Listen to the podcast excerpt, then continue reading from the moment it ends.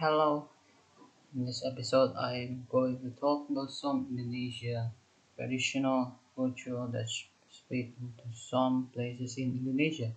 There are many unique and special traditional or cultural ceremonies in Indonesia.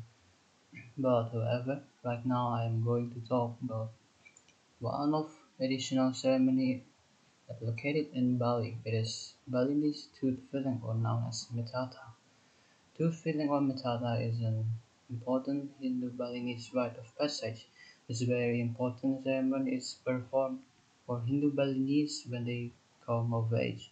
Every parent who has a child who has reached adult sense is obliged to carry out this ritual. If parents don't do it at that time, it should definitely take place before marriage or before death. According to the Balinese belief that persons canine teeth are regarded as an animalistic creature, it is believed that people with teeth that have not been filled may be denied entrance into heaven because they can be mistaken for animals.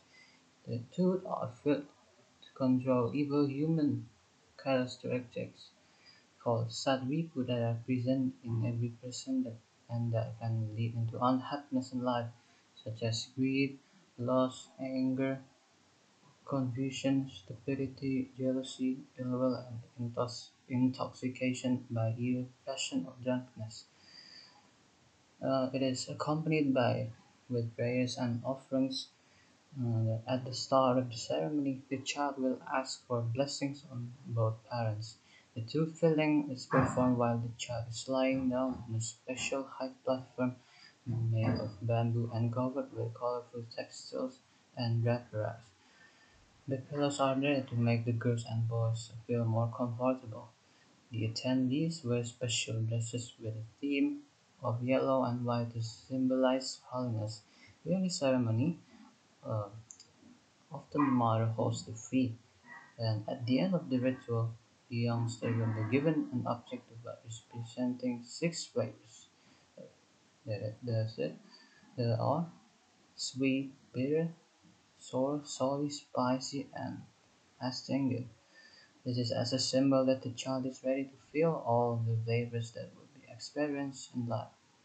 The filling also represents the end of the father's responsibilities to his female children, who are now complete.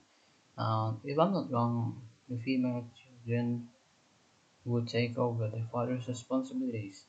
But truly, the ceremony is held by Hindu religion or by Hinduism. So, uh, all about Bali's tooth filling ceremony with Balinese tooth filling ceremony. Uh, rare of us apply this ceremony in our daily life, like you and I do, but unless the Balinese, especially Hinduism. Thank you for listening my one of Indonesian traditional ceremony, and see you on the next episode.